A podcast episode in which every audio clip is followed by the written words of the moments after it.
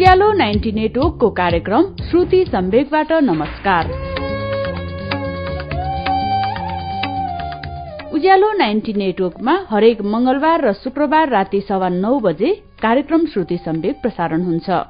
देशभरिका अठारवटा FM radio स्टेशनहरूबाट एकैसाथ प्रसारण भइरहेको कार्यक्रम श्रुति सम्वेगमा हामी वरिष्ठ साहित्यकारहरूका उत्कृष्ट गद्यहरू वाचन गर्दछौं। श्रुति सम्वेकको मंगलबारको श्रृंखलामा हामी कृष्ण धारावासीको उपन्यास आधा बाटो सुनाइरहेका छौं। गएको श्रृंखलासम्म पुग्दा लेखकका बुवा थला पर्दै गएर निधन भएपछि उनको लाश अघिल्तिर आफ्नो पैसा लिन बाँकी रहेको भन्नेहरूसम्म देखा परे। एनकेन उहाँको परिवारले संघर्षमा आफ्नो जीवन गुजार्ने प्रयास गरेकै थियो। अर्को विपत्ति आइपर्यो। उहाँहरू बस्ने गरेको घर जल्यो। अब आधा बाटोको छैठौं श्रृंखलाको वाचन पृष्ठ एक सय एकदेखि सुनौ अच्युत घिमिरेको आवाजमा।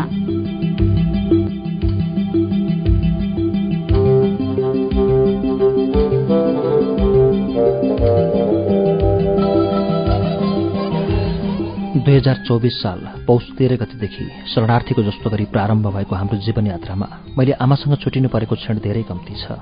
एक वर्ष जोकीखाडी जंगलमा बिताए बाहेक म सदा आमाको साथ रहेको थिएँ। घर छोडी टाढा हिँड्न लागेको पनि पहिलो अवसर त्यही थियो। घरबाट हिँड्दा सिमसिम पानी परिरहेको धुम्म चारैतिर धुम्मिएको थियो। बिहानदेखि नै दिन रोइरहेको जस्तो लाग्थ्यो। आफ्नो मन पनि त्यस्तै भई शोकमय भएको थियो तर आमाका अघि मैले त्यसलाई प्रकट हुन दिएको थिएन।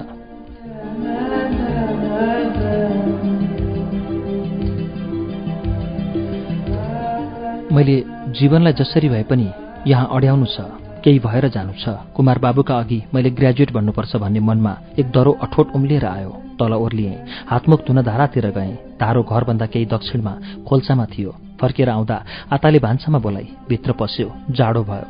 अगेनाका वरिपरि भएर बसेका थिए। आता कार्कीदाई र सानी केटी जमुना। बाहुनी बजै भान्साको तयारीमा लागेकी देखिन्थिन्। अगेनामा ओदानमाथि एउटा कालो पुरानो कितली बसाइएको थियो। सबैका अघि एक एकवटा काँसका बटुका थिए र त्यसैमा पालो पालो आफ्नो इच्छा अनुसार रातो चिया खनाउँदै पिउने गरिरहेका थिए। म भित्र पसेपछि अलिअलि यताउता सरेर ठाउँ बनाइदिए। उनीहरूकै बीचमा घुस्रिएर एउटा काठको पिरामा बसे। आताले एउटा अर्को बटुको ल्याएर मेरा अघि राखिदिए। कित्लीबाट चिया खनाएर भनी हामी त यस्तै चिया खान्छौँ। जाडो छ चिया खाइरहनुपर्छ। चिनीभन्दा चियामा टिमुर र नुन हालेर खायो भने धेरै मिठो हुन्छ।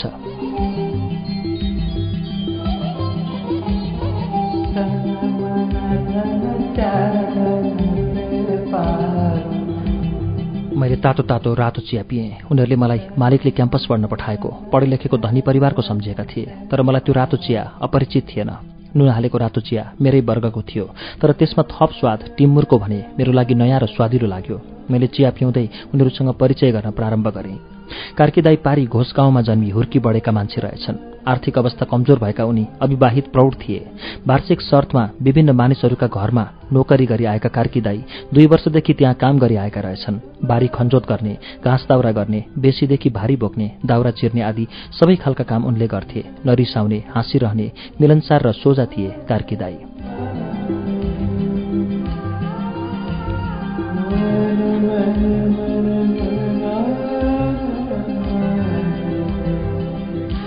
जामिरगढीमा जन्मेकी आता सतारकी छोरी थिए। काली बाह्र तेह्र वर्षकी आता। कता कता मलाई मेरी बहिनी चन्द्रा जस्तै लागि।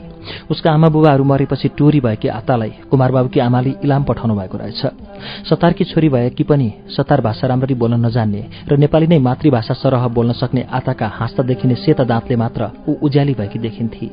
ऊ चुप लागेका बेला उसको कालो रूपले गर्दा रिसाएकी वा खुसी भएकी केही पनि पत्ता लगाउन गाह्रो पर्थ्यो। ऊ मिठो मसिनो स्वरमा धारावाहिक बोलिरहन्थे चुर खाइरहने र चुरको खरानी जिब्रोमा झुवाई झुवाई पारेर त्यो पनि खान्थे। त्यति सानी भएर पनि उसले चुर खाएको भने मलाई अनौठो लागेन किनभने सतारहरू सातपत्रीमा हाम्रा छरछिमेकमा पनि थिए। तिनीहरूको बसोबास बोलीचाली खानपान जीवनस्तर सबै मलाई राम्ररी थाहा थियो। हाम्रो चुर दोकानमा चुर किन्न आउने सतारहरू र तिनीहरूले राख्ने गरेका र साथमा आएका सानी नानीहरूले पनि मजाले चुर खाने गरेको मैले देखेको थिएँ।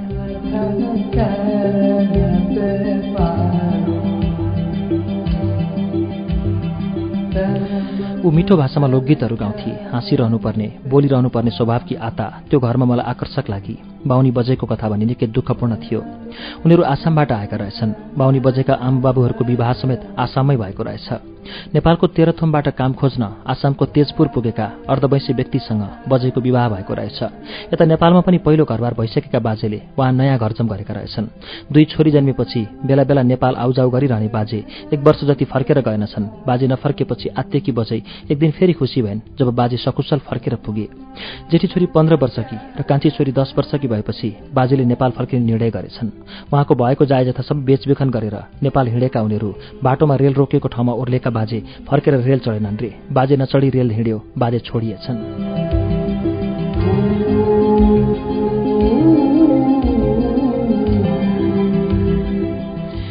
भयभरको खर्च पर्छ। बोकेका मान्छे बाटैमा छोडिएपछि न्यू जलपाइगुडीमा रेलबाट उत्रेकी बजैको होसबास उडिसकेको थियो। वा झुकिएर अर्को डिब्बामा पसेका छन् कि भनी उनीहरूले धेरै बेरसम्म आशा गरिरहे तर उनीहरूको आशा निराशामा परिणत भयो। अब जानेर पुग्ने ठाउँ बाजेसँगै बाटैमा हराएको थियो। उनीहरूले चौतिस पैँतिस वर्षकी दुई छोरीकी आमा बजैलाई आफ्नो शरीर पनि शत्रु जस्तो भएर आफ्नै अघि उभिन पुगेको थियो।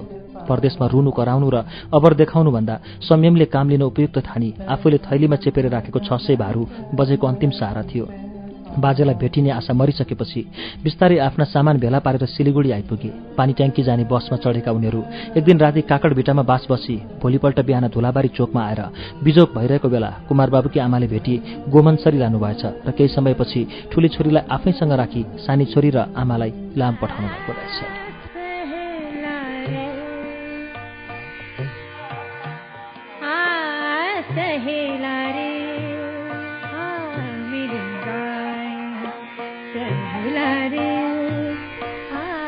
मैले खाली रहेको मध्ये एउटा राम्रो उज्यालो र सुविधाजनक कोठामा आफ्नो बसोबासको बन्दोबस्त गरेँ।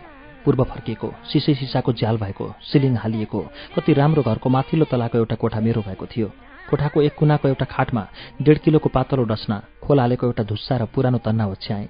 एउटा फराक टेबलमा आफ्ना खाता किताबहरू सजाएर राखेँ रित्तो आल्ना थियो त्यसमा लुगाहरू मिलाएर झुन्डाएँ। आल्ना बडा सम्पन्न देखियो। कोठाभरि सबैभन्दा धनी मेरो आल्ना नै भयो जसमा झुन्डाइएका थिए नयाँ लुगाहरू सुट पेन्ट आदि सबै नयाँ थिए। दुई चार पल्टभन्दा बढी नलगाइएका ती कपडाहरू कोठाको सजावट बने। दिउँसो मिश्र बाजे आउनुभयो परिचय भयो। मैले कुमार बाबुको चिठी दिएँ पढेर गोजीमा राख्नुभयो र सोध्नुभयो कहिलेदेखि जाने क्याम्पस? मैले भने अब भोलि गएर फारम भर्छु इन्ट्रान्स दिन्छु नाम निस्केपछि भर्ना गर्नुपर्छ।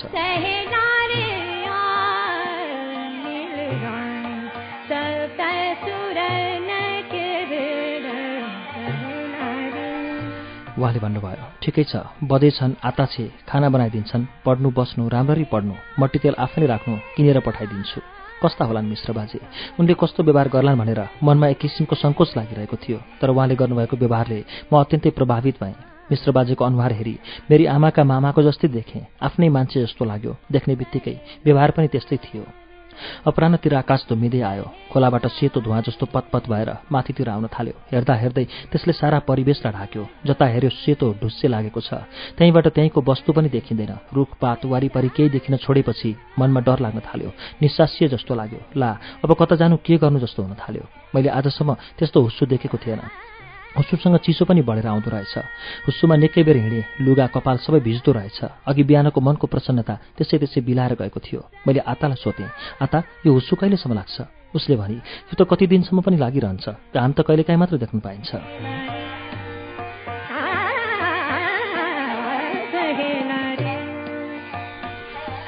मलाई भात पस्केर दिँदै बजैले भनिन् के गर्नु भान्जा नानी? जन्मिएको आसाममा मकैको भात कहिल्यै खाइएको थिएन। यहाँ आएर खान सिकियो। बाबुले पनि कहिले नखाएको यस्तो खाना कसरी खानुहुन्छ होला? हप्ताको तिन पाथी धान र छ डोका मकै झिकिदिनुहुन्छ। त्यसैलाई बिसाएर खानुपर्छ। अब यस्तैमा बानी लगाउनुपर्छ। मैले केही पनि भनिनँ। तर त्यही खाना पनि मेरा लागि महान उपलब्धि थियो। घरमा यस्तो पनि खाना पाइरहेको थिएनन्। तर बाहुनी बजेहरूका अघि मैले आफूलाई धनी र ठुलै मान्छेको छोराको रूपमा प्रस्तुत गर्ने कोसिस गरेँ।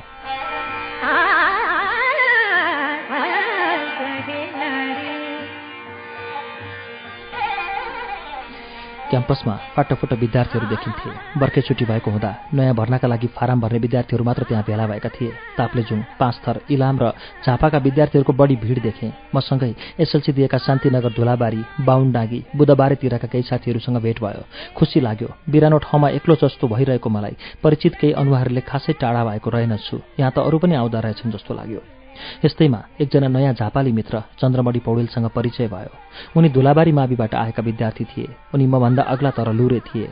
परिचयको एक क्षणपछि नै हामी घनिष्ठ जस्ता भएका थियौँ। केही समयपछि अरू दुईजना नयाँ साथीहरूसँग चन्द्रमणिकै माध्यमबाट परिचय भयो। रामकुमार तिमसिना र रामकुमार आचार्य। फारम बुझाइसकेपछि सोधखोज गर्दै चिफ सरको ढोकामा पुगे।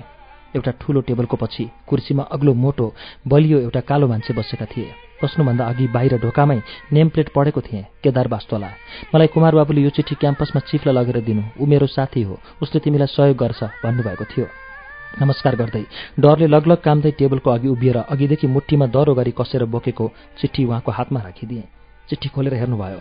सानो कागजमा दुईवटा वाक्य त थिए पढ्न कति बेर नै लागेन। पढिसकेर मतिर हेरी नरम भाकामा सोध्नुभयो मैले छोटकरीमा आफ्ना कुराहरू भने मार्कसिट हेर्नुभयो? र ठिक छ राम्ररी मेहनत र अनुशासित भएर पढ्नु केही साह्रो गाह्रो अप्ठ्यारो परे मलाई भन्नु उहाँले भन्नुभयो।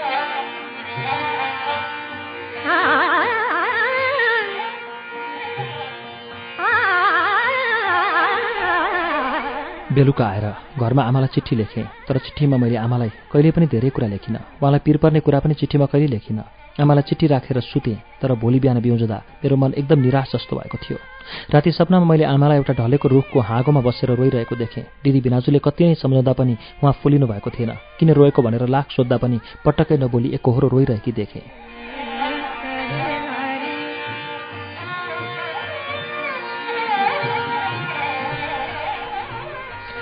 बिउजदा मन साह्रै भारी भएको थियो। अनेक गरेर मनलाई भुल्याउन खोज्दा पनि घरिघरि आमा रोइरहेको दृश्य आँखामा ओझेल हुनै सकेन।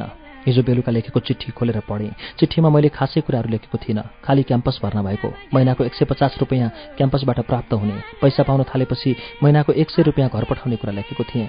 तर मन यति विचलित भयो कि त्यसैभित्र कहाँ कहाँ पोले जस्तो श्वास फुले जस्तो शरीर कामे जस्तो असहाय र असुरक्षाले घेरे जस्तो सपना र ऐठन जस्तो अनुभव हुन थाल्यो। मन त्यसै निराश र उदास हुन थाल्यो। आँखा चिम्लन्छु आमा रोइरहेको देख्छु। पक्कै घरमा केही नराम्रो घटना भयो भन्ने मनमा शङ्का उब्जना साथ शरीर चिसो भएर आयो। चिसो पसिनाले लुगा भिजे। हठात मनले एउटा निर्णय गर्यो जेसुकै होस् म क्याम्पस पढ्दिनँ। घरमा आमालाई भाइ बहिनीलाई त्यस्तो दुःखको सागरमा एक्लै छोडेर म यहाँ क्याम्पस पढ्न सक्दिनँ। आखिर एसएलसी पास गरेकी छु एउटा सानोतिनो जागिर पाइहाल्छु। जे भयो भयो। डाक्टर बा कुमार बाबु जति रिसाए पनि म त फर्कन्छु।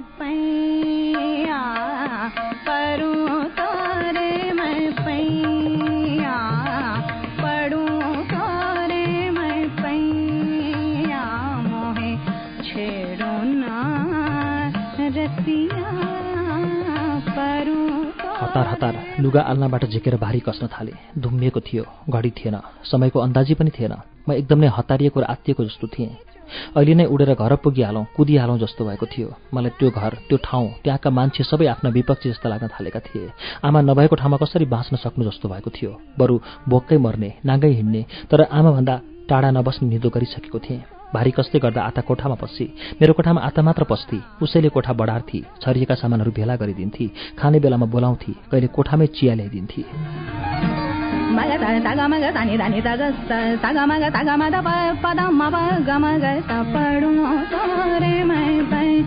मैले एकाएक भारी कसिरहेको देखेर अचम्म मान्दै उसले सोधी अरे भट्टाई दाजु किन भारी बाँधेको? मैले उसलाई हेरेँ। वर्षौँ पहिलेदेखि चिनिरहेको आफन्तको जस्तो अनुहार थियो उसको। उसको आवाज पनि परिचित थियो। दाँत सेता टल्किएका। म छुवाङ्ग सपनाबाट पिउँझे जस्तो भएँ। उसले फेरि सोधी मैले उसलाई सपनामा आमा रोइरहेको र खप्न नसकेर अब क्याम्पस नपढ्ने भई घर फिर्न लागेको बताएँ। मेरा कुरा सुनेर त्यो छक्क परी। एकछिन त्यसले मलाई ठुलो ठुलो हेरिरहे। म पनि भारी बाँध्न छोडेर खाटमा थ्याच्च बसेँ। उसले भनी घरको त्यस्तो सम्झना आयो भने एकपल्ट रित्ते घर पुगेर आउनु नि त। किन सबै भारी तारी लिएर जानु? यत्रो क्याम्पस पढ्न भर्ना भइसक्यो खर्च भयो।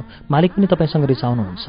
मलाई आताले एउटा बाटो देखाए जस्तो लाग्यो। उसले थपी हेर्नु दाजु घरबाट टाढा आउँदा मलाई पनि एक महिनासम्म यस्तै भएको थियो। रोइरहन्थेँ खालि घरको सम्झना आउँथ्यो। तर बिस्तारै बानी भयो। अब त सम्झना आए पनि पहिलाको जस्तो हुँदैन। मैले केही पनि बोलिनँ। आता निस्केर गएँ।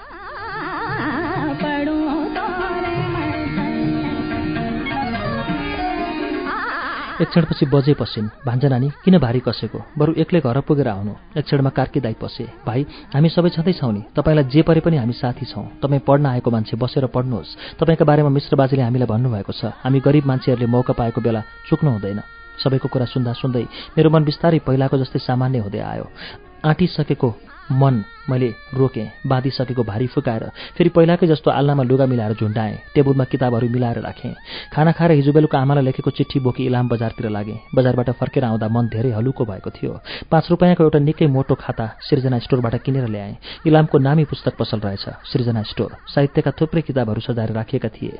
मोटो खाता किनेर ल्याएकोमा मन प्रसन्न भएको थियो। त्यसमा अब प्रत्येक दिन केही न केही लेख्ने भन्ने अठोट गरेँ।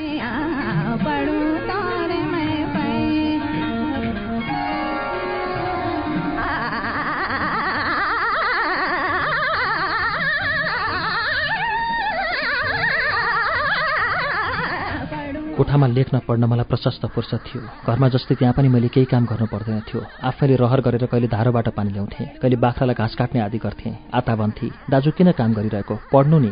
यस्ता काम त सबै म गरिहाल्छु नि। सधैँ मैले नै गरेको त हो सुरु सुरुमा बाहुनी बजेरी मलाई साह्रै राम्रो व्यवहार गर्थिन्। भान्जा नानी भने तपाईँ पनि भन्ने गर्थिन्। तर पुरानो हुँदै गएपछि उनको व्यवहार रुखो हुँदै गयो।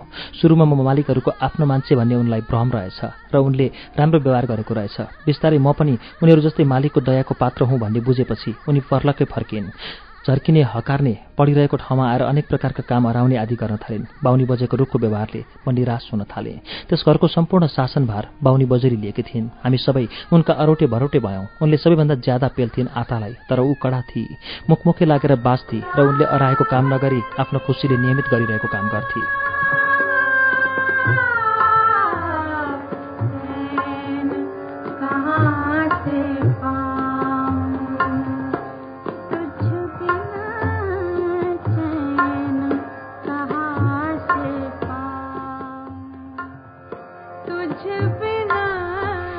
क्याम्पसी जीवनमा घुल्दा घुल्दै म भित्र यो देश जाति राष्ट्र रङ्ग लिङ्गका भेदहरूका विरोधमा विद्रोह पलाउन थाल्यो। तिनको बहिष्कार गर्न मन लाग्न थाल्यो। सारा संसारका मानिस एकै हुन्। तिनको भोग तिनले पाउने दुःख तिनका इच्छा आकाङ्क्षा पीडा र समस्याहरू सबै एकै हुन्। संसारमा जन्मेपछि सबैले सुरक्षित रहेर आनन्दले बाँच्न पाउनुपर्छ। बलियाको करिया भएर कमजोरले किन बाँच्ने? धरतीका सबै धरावासीहरू एकै हुन्। ममा सोच आयो म भट्टराई नेपाली हिन्दू केही होइन म धरावासी हुँ। म धरतीमा बस्ने एउटा मानव हुँ अरू सबै जस्तै। यसरी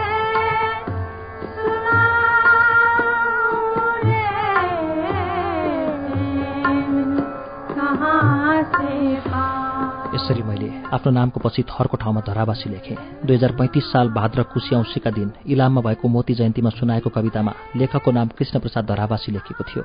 श्रावण दुई गतिदेखि म सत्र पुरा भएर अठार वर्षमा लागेका दिन मैले आफ्नो पितासँग जोडिएको थरलाई मेटेर धरावासी लेख्न थालेँ। यो थर सुनेर धेरैजनालाई कौतूहल भयो। धेरैले यो उपनाम भनेको सुनेपछि अर्थ खोजे।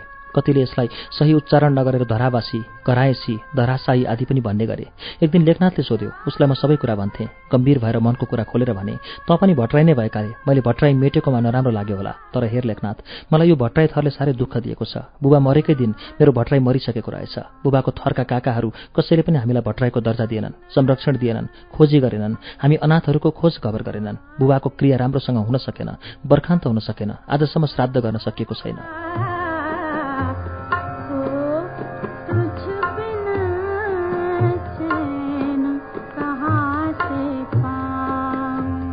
कुल वंश धर्म परम्परा भनेको सबै सम्पन्नतासँग जोडिने विषय रहेछ। गरिबी एउटा यस्तो जात रहेछ जो मान्छे बाहेक अरू केही होइन। गरिब केवल तमासा हो दुनियाँको। उचाल्नै नसक्ने दुःखका किसिम किसिमका पहाडहरू बोकेर हिँड्ने अनौठो ताती हो गरिबी। गरिबको परिचय केवल गरिब मात्र हो अरू केही पनि होइन। हामी सम्पन्न भएका भए काकाहरू संरक्षक गएर उभिने थिए होलान्। समाजका अघि क्या महान रहेछन् किस्नेका काकाहरू भन्ने हुन्थ्यो होला। मामाहरू पनि कति दयालु र ज्ञानी देखिन्थ्यो होला। सम्पन्न ददिराम भट्टराईको जेठो छोरो भएर मेरो बुबा जन्मिएको भए म पनि त एउटा गरिब अपाङ्ग र अशक्त टिकारामको छोरो थिएँ। म लङ्गडा बाजेको छोरो थिएँ। मलाई लाग्यो लेखनाथ यो भट्टराई थर मलाई काम लाग्ने थोत्रो भारीको कुम्लो हो जसलाई फुकालेर हेऱ्यो भने त्यहाँ केही पनि छैन। कहाँसम्म पुर्याउने त्यसको निश्चित लक्ष्य र बिसाउने ठाउँ पनि छैन। जहाँ बिसाए पनि हुन्छ। मैले त्यसै कारण यस थरलाई फिर्ता गरिदिएँ। काकाहरू हजुरबाहरू र परम्परालाई फिर्ता दिएँ। अब म नयाँ नाम र नयाँ थर लिएर हिँड्छु चिनिन्छु त्यसैले। उसले केही भनेन गम्भीर भयो भावुक भयो ऊ। साह्रै भावुक थियो लेखनाथ।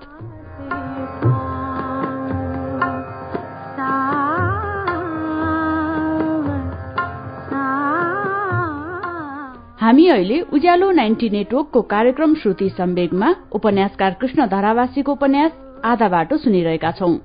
केही बेरपछि यसको बाँकी अंश लिएर आउँछौ उज्यालो सुन्दै गर्नुहोला।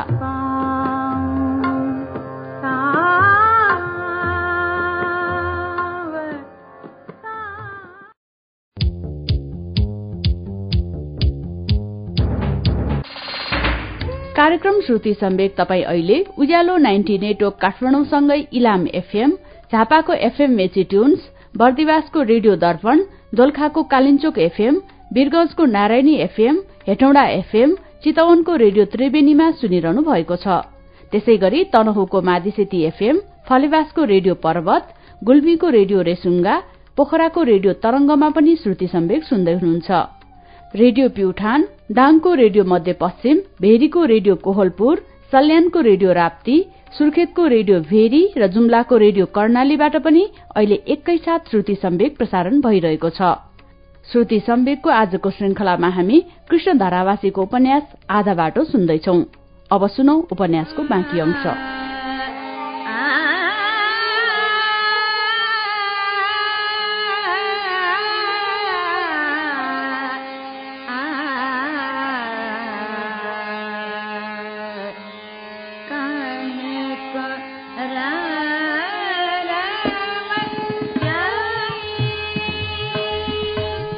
रघुवीर बुढाथोकीको त्यस मूल घरमा एउटा विचित्रको परिवार खडा भएको थियो हाम्रो।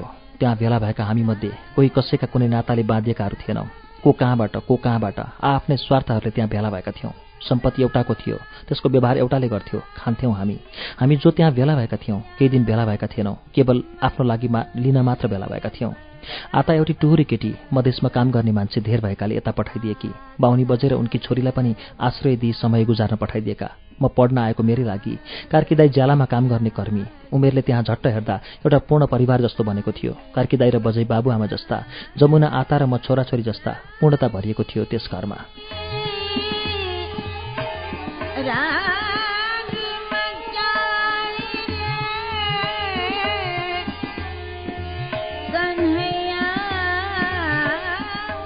बाहुनी बोजैले आफूलाई त्यस घरकी मुली मानेकी थिइन्। उनी सबैमाथि शासन जमाउँथिन्। जब मिश्र बाजे उपस्थित हुन्थे बजेको फुर्तीफार्ती सबै शान्त हुन्थ्यो। नरम भाषामा उनी कठिनाई मिश्र कठिनाई मिश्र बाजेसँग राख्थिन्। धेरै कुरा मिश्र बाजे मसँग सरसल्लाह लिन्थे मेरो कुरालाई बाजेले विशेष विश्वास गरे जस्तो लाग्थ्यो मलाई। त्यस घरमा हुने खर्चको हिसाब किताब राख्न मलाई नै जिम्मा दिएको थियो। बाहुनी बजे साह्रै कट्टर थिइन्। बिहान चारै बजे उठेर धारामा गई नुहाई धुवाई गरिवरी चोखो पानी ल्याई घर लिप्ने पूजापाठ गर्ने पेटनी बेरेर चुलामा भान्साको काम गर्ने। हामी कसैलाई पनि चुलामा जान नदिने। चुलाभन्दा निकै पर बसेर खाना खानुपर्ने। त्यहाँ उपस्थित मध्ये म एउटा जैसी बाहुन थिएँ। त्यो पनि व्रतबन्ध नभएको। कार्की छेत्री र आता सतार्नेको त कुरै भएन।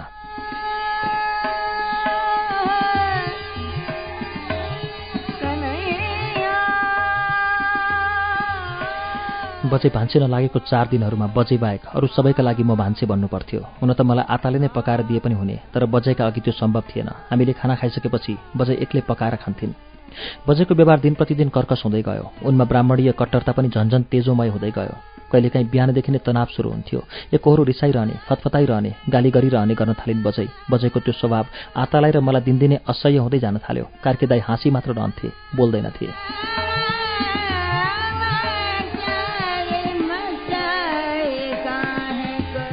एक दिन आताले बिस्तारै मसँग भनी यी बचे कम्ती कि छन् भट्टराई दाजु। देख्दा मात्र यी यस्तै कडा छन् तर मैले सबै बुझेको छु। पक्नु न म मधेस मात्र जाउँ हजुरआमालाई सबै भनिदिन्छु। मैले भने के छ त्यस्तो? मलाई भन्न त। तँभन्दा पहिला नै मधेस जान्छु होला। मै भनौँला नि। आ होस् भन्दिनँ। मलाई कौतूहल भयो। दोहोऱ्याएर सोधेँ भन भन म कसैलाई सुनाउँदिनँ। अर्को दिन भन्छु भन्दै ऊ हिँडी। मनमा कौतूहल बढेर गयो। यो आताले बजेका बारेमा त्यस्तो के कुरा भन्न खोजेकी हो? मैले केही पनि अनुमान गर्न सकिनँ।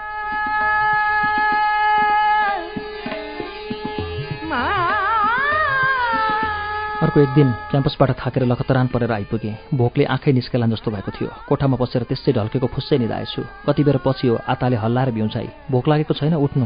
यो खाजा खानु र भात पकाउनु। उसले उसिनेको भटमासको कोसा र सकरखण्ड थालमा ल्याएकी थिए। एउटा ठुलो बटुकोमा एक बटुको टिम्बु र नुन हालेको चिया पनि ल्याएकी थिए। खाँदै भने किन आज बजै छैनन्? भएर के गर्नु त नगर्ने भएपछि? किन? एकान्त भेट्ने बित्तिकै कार्कीदाईसँग टाँसिएर बस्छिन्। अनेक थोर गर्छिन्। हाम्रा अघि चाहिँ खुब बाहुनी भकी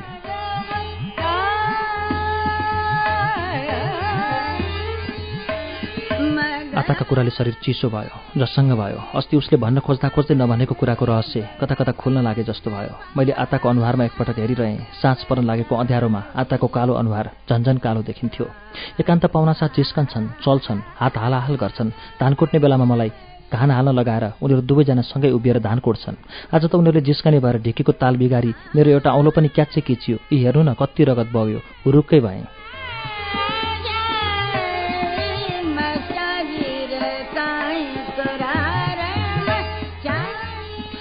ढुङ्ग्राले बाँधेको दाहिने हातको माझी औँलाको टुप्पो देखाई। अब माझुन्न भाँडा म मेरो हात पानीमा भिजाउँदिनँ। तिनकै प्याउली छोरीले माझोस् छुच्ची एक्लै बरबराउँदै ऊ बाहिर निस्की। एक दिन मिश्र बाजेले सोधे नानी यो आता के भन्छे? तार्की र बाहुनी बजेको पारा ठिक छैन भन्छे नि? खै दिनभर म पनि हुन्न उनीहरूसँगै हुने आता नै हो। यस सतार्ने केटीलाई हेरेर उनीहरू के के गर्छन् होला? देखेको कुरा भन्छे नि यो। मैले त्यही बताइदिएँ। आताको कुरा साँचो हो भने त अवगाल चल्ने भयो नि हाम्रो। मैले पनि केही भनिनँ तर मिश्र बाजे त्यो दिन सशङ्कित भएर गए।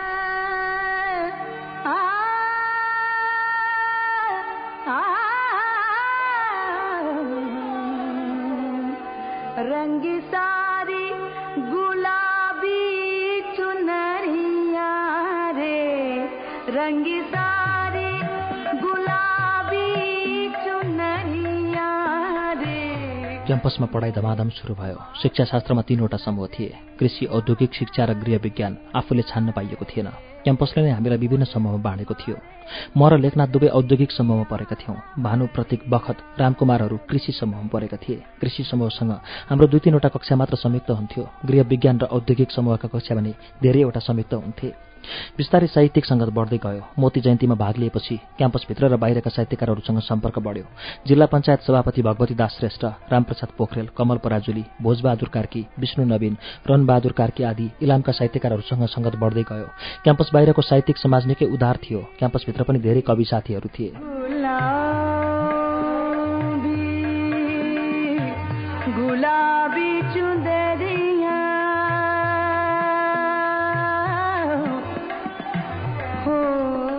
केटी साथीहरूसँग म अरूभन्दा बढी नै घुलमिल भएको थिएँ। उनीहरूसँग ज्यादा घुलमिल हुनुमा पढाइमा केही तेज हुनु हँसाइरहनु हस्तरेखा तथा ज्योतिष सम्बन्धीको सामान्य ज्ञानले गर्दा उनीहरू म प्रति आकर्षित थिए। उमेरले प्रायः सबै मेरा दिदीहरू थिए। म उनीहरूको हात हेरिदिन्थेँ भविष्यवाणी गरिदिन्थेँ नोटहरू सार्न दिन्थेँ कतिवटा नबुझेका कुराहरू सिकाइ पनि दिन्थेँ। त्यसबेला मेरो तौल पनि छत्तिस किलो मात्र थियो।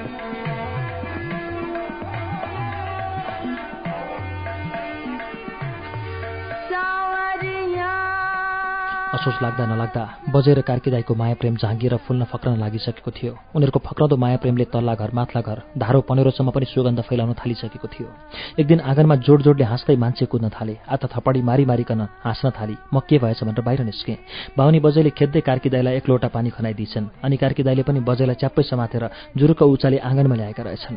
आँगनमा ल्याएर छोडेपछि फेरि कार्कीदाई भागेछन् बजै उनीलाई खेद्दिरहेछन् र आत थपडी मारी मारी हाँस्दै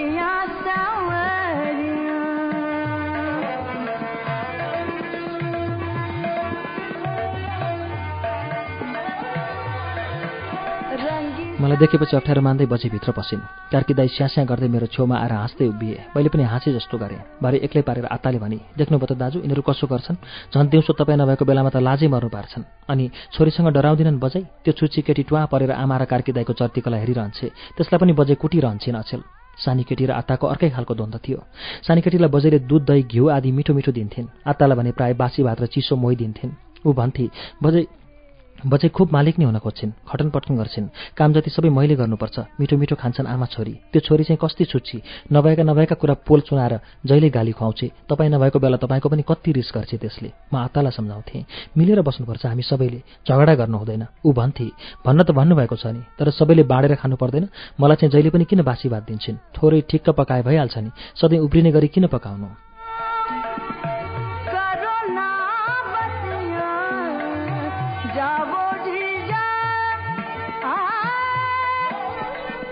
आताका कति कुरा मलाई तर्कपूर्ण लाग्थे तर म ती कुनै पनि मुद्दाहरूको छिनोफानोतिर लाग्दिनथेँ। कसैको पक्ष नलागी सबैको समान व्यक्ति बन्न खोज्थेँ म तर त्यसो गर्दा सबैभन्दा ठुलो मार परिरहेको थियो हातालाई। आता त्यहाँ बस्न थालेको चार वर्ष भइसकेको थियो। उसले आफ्नो पेवामा कुखुरा पालेकी थिए महिना दुई महिनामा कुखुरा बेच्थे र पैसा मिश्र बाजेलाई राख्न दिन्थे। मिश्र बाजे आतालाई छोरी जस्तै माया गर्थे। भन्थे सानी काली सतार्नी केटी ल्याएको थिएँ उसको बाजे बराजु कसैले पहाड नटेकेको। यसलाई पहाडको पानी पचाउन निकै गाह्रो पर्यो। मर्लेकी जस्तै भए सुरुमा त। तर अब त यो पुरै पहाडै भएकी छे। बोली बेहोरा सबै हाम्रै जस्तो भएको छ। कोही नभएकी टुरी केटी छोरी जस्तै माया लाग्दैछे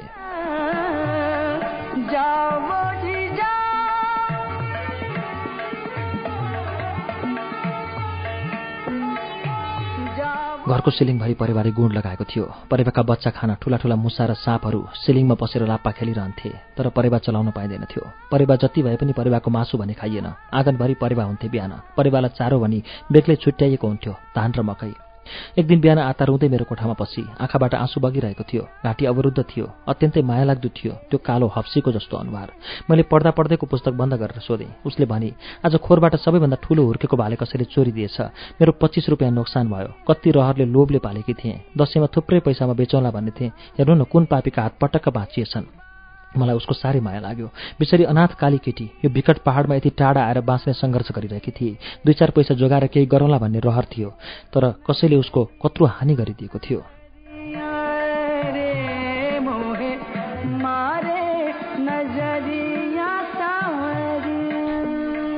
मैले सोधेँ कसले लग्यो होला? तँलाई शङ्का छ? शङ्का त छ नि तर भन्नु भएन बाहिरको टाढाको को आउँछ र? उसले घरभित्रै शङ्का गरेकी थिए। तर म जसरी पनि पत्ता लगाएरै छोड्छु बुझ्नुभयो दाजु? भन्दै निस्केर गएँ। त्यसको तिन चार दिनपछि एक दिन फेरि हस्याङ पस्याङ गर्दै आता मेरो कोठामा पछि भट्टराई दाजु एउटा कुरा भनौँ छक्क पर्नुहुन्छ। मैले जिज्ञासु भएर उतिर हेरेँ।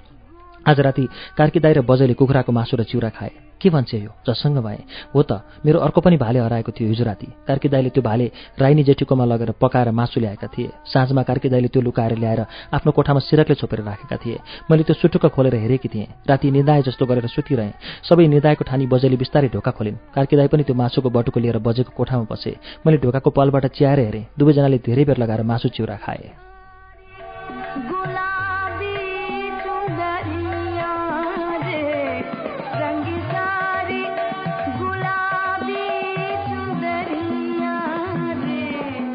दुवैजनाले धेरै बेर लगाएर मासु चिउरा खाए। आताको सविस्तार वर्णन सुनेर अभाग भए। तर यिनीहरूले मेरो कुखुराको खोरै रित्याइदिए। अब म कुखुरा पाल्दिनँ। आता एकदम नै विद्रोही हुन थालेकी थिए। आताको र बजेकी छोरीको बात बातमा झगडा परिरहन्थ्यो। बजे बातै बातमा आतालाई गाली गरिरहन्थिन्। एक दिन त बजेले आताको लट्टा परेको कपालमा उनका छिप्पेका औँला छिराएर जगल्टाइन्। उनकी छोरी थप्पडी बजाएर हाँसी। त्यो दिन आताले पनि कसो कसो गरेर बजेको अनुहार चिथोरी दिए। रुँदै भन्न थाली मलाई हेपेको मन निकालिदिन्छु। तिम्रो सबै कुरा मलाई थाहा छ। दसैँमा मधेस गरेर सबै सुनाइदिन्छु। आताले मुख छोडेको र चिथोरेकोले दुवै घाइते भएर बजै भित्र पसिन्। आताले औँलो ठटाएर पख मैले थाहा पाएको सबै भनिदिन्छु भनी। बजे आफ्नै छोरीतिर झम्टाउँदै कराउन थालिन्। यसले मलाई सुखै नदिने भाइ यसैका कारण मैले सधैँ आतासँग पनि झगडा गरिरहनुपर्छ। अहिले पनि यसकै दोष रहेछ। आताकालीले पनि बेलामा नभनेर त जमुनीलाई पर्खी सानी केटी रुँदै आँगनतिर भागी। अचम्म लाग्थ्यो मलाई त्यो वातावरण। कुनै न कुनै कुराले जति बेला पनि तनावग्रस्त हुन्थ्यो घर र त्यस तनावको प्रमुख पात्र बजे आफै हुन्थे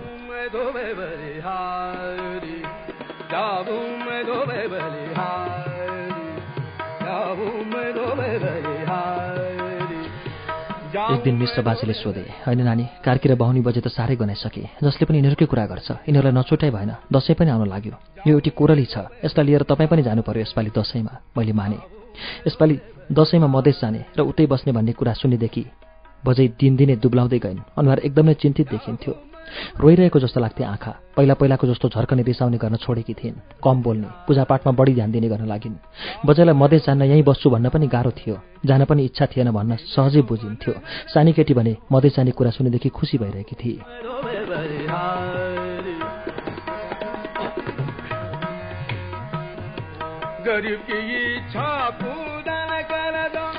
कार्कीदाईको अवस्था झन् दयनीय थियो। त्यसै पनि कम बोल्ने कार्कीदाई अब त त्यति बोल्न छोडेका थिए। हाँसिरहने मान्छे हाँस्न छाड्यो भने कस्तो नराम्रो देखिँदो रहेछ। आता मेरो छेउमा आएर भन्थे भट्टराई दाजु बजेको गति हेर्नु न कस्तो भइसक्यो। छोड्दै अर्काको कुरा नगर। जे भए पनि यो उनीहरूकै समस्या हो। म त्यसो भन्थेँ। ऊ अलिक जोसिएर भन्थे तिनीहरूले मेरो भाले किन खाइदिए त? तिहारपछि लाग्ने गरी क्याम्पस छुट्टी भयो। सबै विद्यार्थी साथीहरू घर जाने तयारीमा लागे। तिहारपछि भेट्ने भन्दै सबै हिँडिरहेका थिए। मलाई पनि छिट्टै गाडीबाट घर पुग्न मन थियो तर त्यसरी जाने स्थिति थिएन। क्याम्पसले तीन महिनाको छात्रवृत्ति एकैचोटि बाँडेको थियो। एकमुष्ट चार सय पचास रुपियाँ भएको थियो मसँग।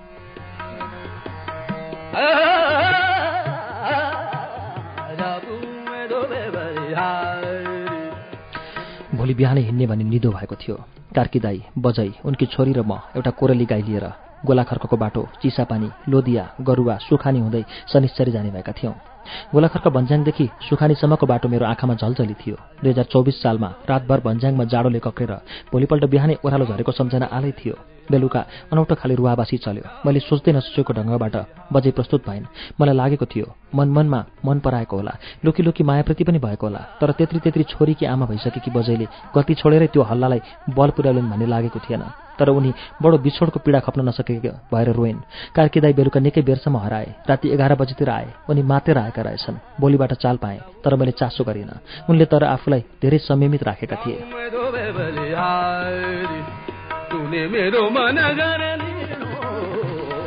भोलिपल्ट हिँड्ने बेलामा मिश्र बाजे आइपुगेका थिए। मिश्र बाजेले बजेका हातमा सानी केटीका हातमा र कार्कीदाईका हातमा छुट्टा छुट्टै पैसा राखिदिनु भयो। बजे एकपल्ट घर वरिपरि घुमिन् आठमा ढोगिन् थैलीबाट दुईवटा दसका नोट निकालेर आताका हातमा राखिदिँदै भनिन् आता अब हामी जान्छौँ। एक वर्षसँगै बसेँ। तँलाई मैले हातले कुटे पनि गाली पनि गरेँ।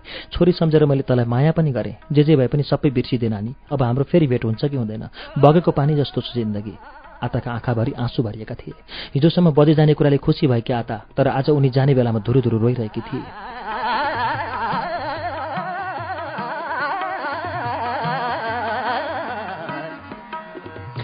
मैले उनीहरू कसैलाई पनि केही पनि भनिनँ। आफ्नो झोला काँधमा बोकेँ। हिँड्ने बेलामा भने आता म तिहारपछि मात्र आउँछु। मेरा पुस्तकहरू मुसाले काट्ने हो कि कहिले काहीँ हेर्दै गर्नु ल? कार्की दाइले बाछो डोराए पछि पछि हामी बाछो धपाउँदै बाटो लाग्यौँ। हिँड्दा हिँड्दै सानी केटी पछि छोडिन्थे। त्यसलाई पर्खाउँदै म हिँड्थेँ। कार्की दाइ र बजे भने हामीलाई नपर्खी गाईलाई लिएर टाढासम्म पुगिसक्थे उनीहरू आपसमा एकान्त पनि चाहन्थे भन्ने मैले अड्कुल काटेको थिएँ। सानी केटी पनि अब पहिला जति छुच्ची थिएन। त्यसले आफ्नो छुच्चोपनलाई सिमफ्रेङमै छोडे चाहिँ गरी। गम्भीर जस्तै थिए त्यो। जे भए पनि आफू बसिरहेको ठाउँ छोडेर हिँड्नु नराम्रै लाग्ने कुरा थियो। अस्तिसम्म मधेस जाने सुनेर खुसीले रमाउने जमुना तर त्यो दिन यात्राभरि गम्भीर थिए। सानी केटीको गम्भीरतामा केही कुरा पनि थपिएको रहेछ। हिँड्दा हिँड्दै त्यसले भनी भट्टरे दाजु अब कार्कीदाई पनि मधेसमै बस्छन् हामीसँगै। बस्दैनन् बाछी पुऱ्याएर उनी फर्किहाल्छन् नि। के कार्कीदाईको माया लाग्यो? लाग्छ त्यस्तो घोइरोको पापी कोडी एक्लै बरबराई। उसको बोली नै प्राय यस्तै कर्कस थियो। कसैलाई पनि र कहिले पनि उसले राम्रो भनेको मैले सुनेको थिइनँ उसले प्रयोग गरेका ती शब्दहरू मलाई नयाँ लागेनन्।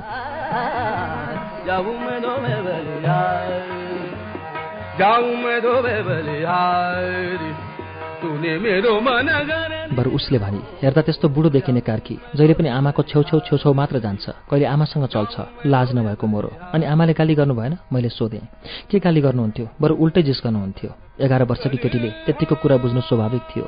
त्यो आमासँग रिसाएकी रहेछ। त्यसले भनी मधेसमा गएर सबै कुरा दिदीलाई भनिदिन्छु। छि आफ्नै आमाको त्यस्तो कुरा पनि अर्कालाई भन्नुहुन्छ मैले सोधेँ दिदीलाई त भन्छु म त। आमाले मलाई किन कुटिरहनुहुन्थ्यो त? कार्की दाईसँग जिस्कन थालेपछि।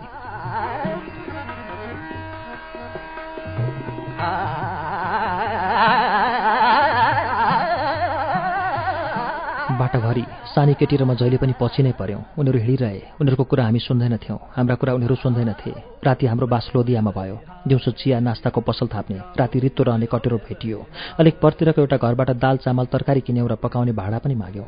राति त्यही बाकलको फलेकमा कोल्टे फर्किएर निधाउने कोसिस गऱ्यौँ तर वास्तवमा कोही पनि निधाइएन रातभरि कोल्टे फेर्दै उठ्दै सुत्दै गरिरह्यौँ। कार्कीदाई छिनछिनमा चुर खाइरहन्थे तर सानी केटी चाहिँ मजाले गलेकी रहेछ। निधाई बिहान चाँडै उठेर हिँड्यौँ। नौ बजीतिर ज्यामदारको जङ्गलमा आइपुग्यौँ। कार्कीदाईले भने पोरपरार पाँचजना मान्छेलाई गोली हालेर मारेको ठाउँ यही हो। मलाई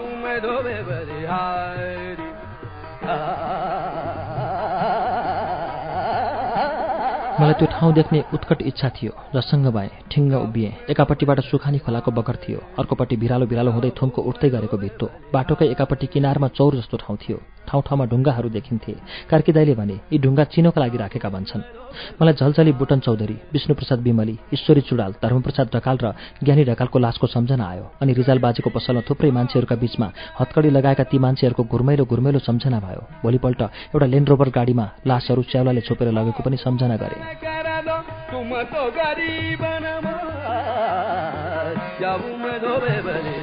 हामी बाह्र बजीतिर तुतबारी आइपुग्यौँ। कोरेलीलाई देखेर कुमार दाईकी आमा अत्यन्त प्रसन्न हुनुभयो। उहाँले मलाई पनि देख्नु भएको थिएन सुन्नु भएको मात्र रहेछ। मलाई देखेपछि सबै सोधपुछ गर्नुभयो। भन्नुभयो लौ नानी माइती रहेछौ। दाजुले माया गरेर पढ्न पठाएछ। राम्ररी पढ्नु। ठुलो मान्छे हुनु। थुप्रो मान्छेलाई दाजुले यसरी खर्च गराएर पढाएको छ। कसैले ठुला ठुला जागिर पनि खाएका छन्। आमालाई सुख दिनु। एक दिन आमालाई पनि लिएर आउनु। खानासाना खाइसकेपछि कार्के दाई त्यस दिन पहाड फर्किए। हिँड्ने बेलामा बडा विचित्रको अनुहार भएको थियो उनको। बजे भने केही नबोली अर्कोतिर फर्किरहन्। दिउँसो बजेहरू ज्यामिरगढी जाने भए म घरतिर लागेँ।